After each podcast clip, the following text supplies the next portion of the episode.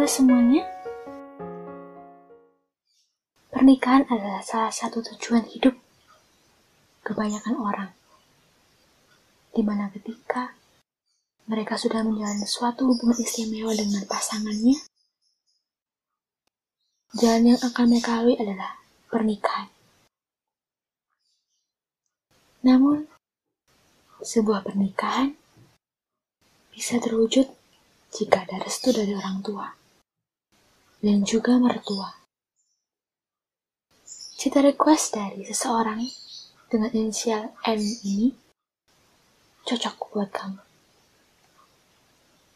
Berjelajah dalam karya berjudul Bintang Jatuh.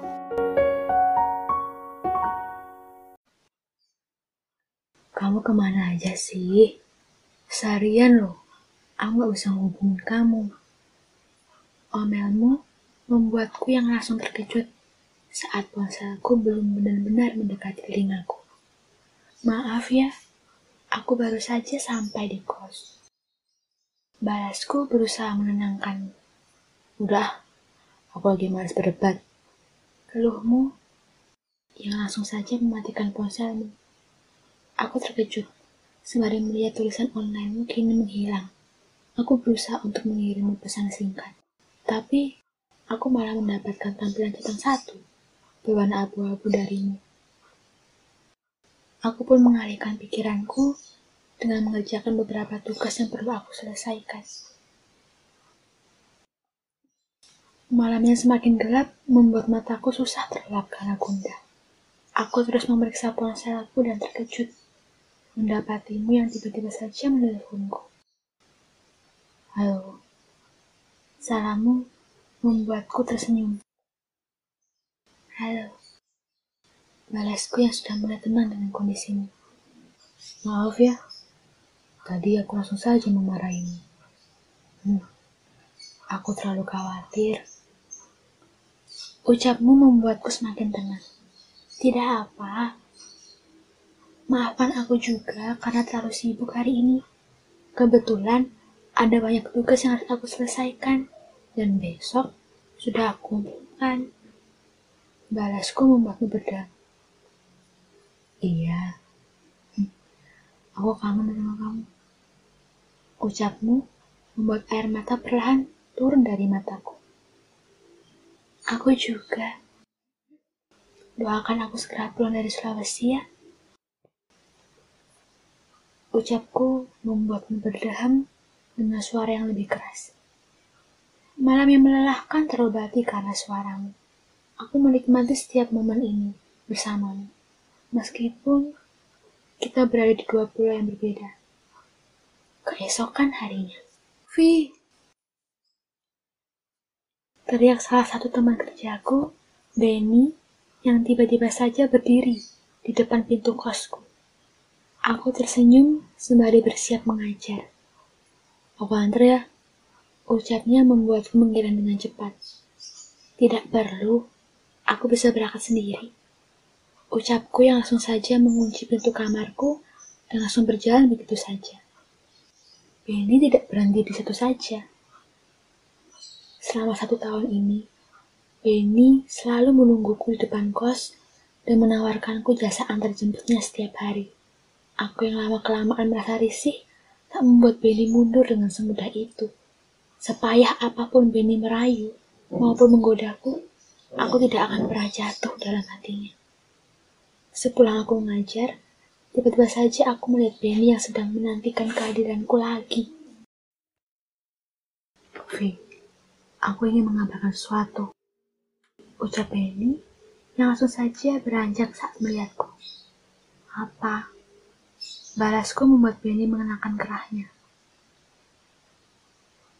Aku ingin serius denganmu, Vi. Aku tidak tega melihatmu terus diperlakukan buruk oleh mertuamu dan harus menanggung rasa rindu karena LDR ini.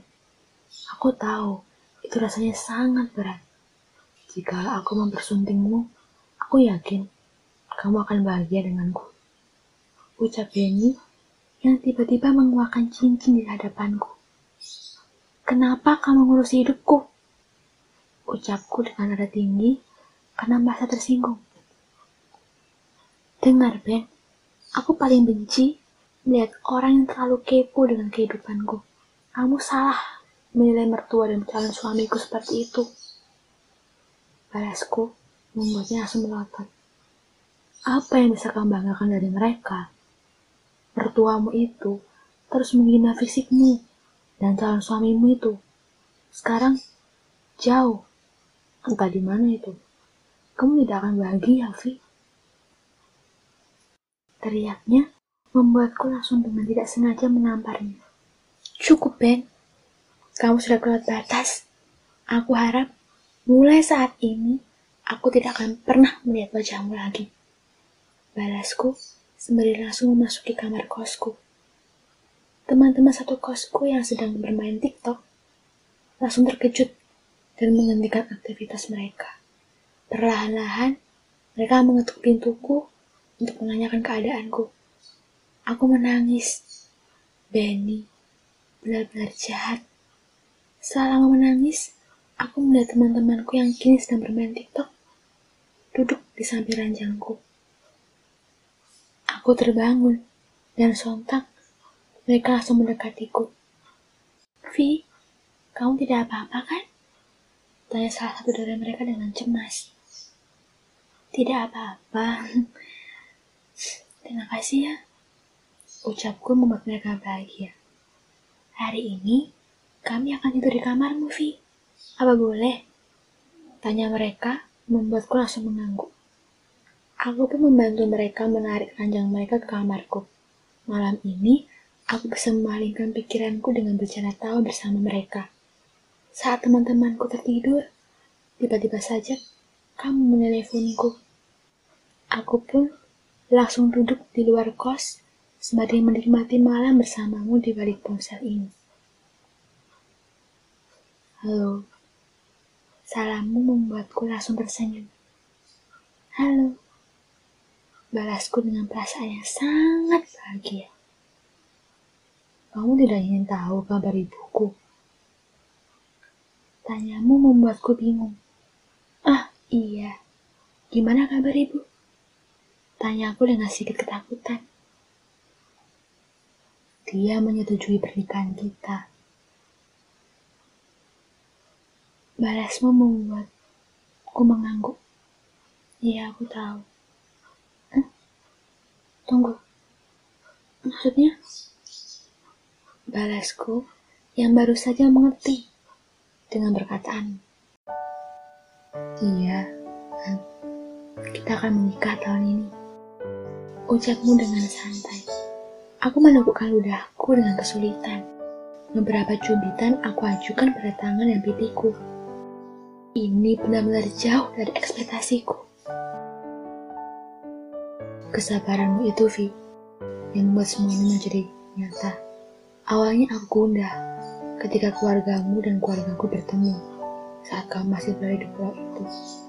Namun, keputusan ibu yang membuatku terkejut membuatku hanya bisa terdiam. Aku sampai-sampai melihat ibu tanpa berkedip. Ternyata, itulah keputusan ibu atas hubungan ini. Ucapmu membuat mataku berlinang air mata. Kesabaranku yang sudah menjamur bertahun-tahun, kini telah berbuah juga.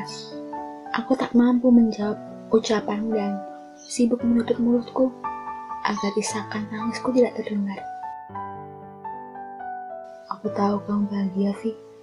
Selamat istirahat ya. Aku sangat mencintaimu. Selamat malam.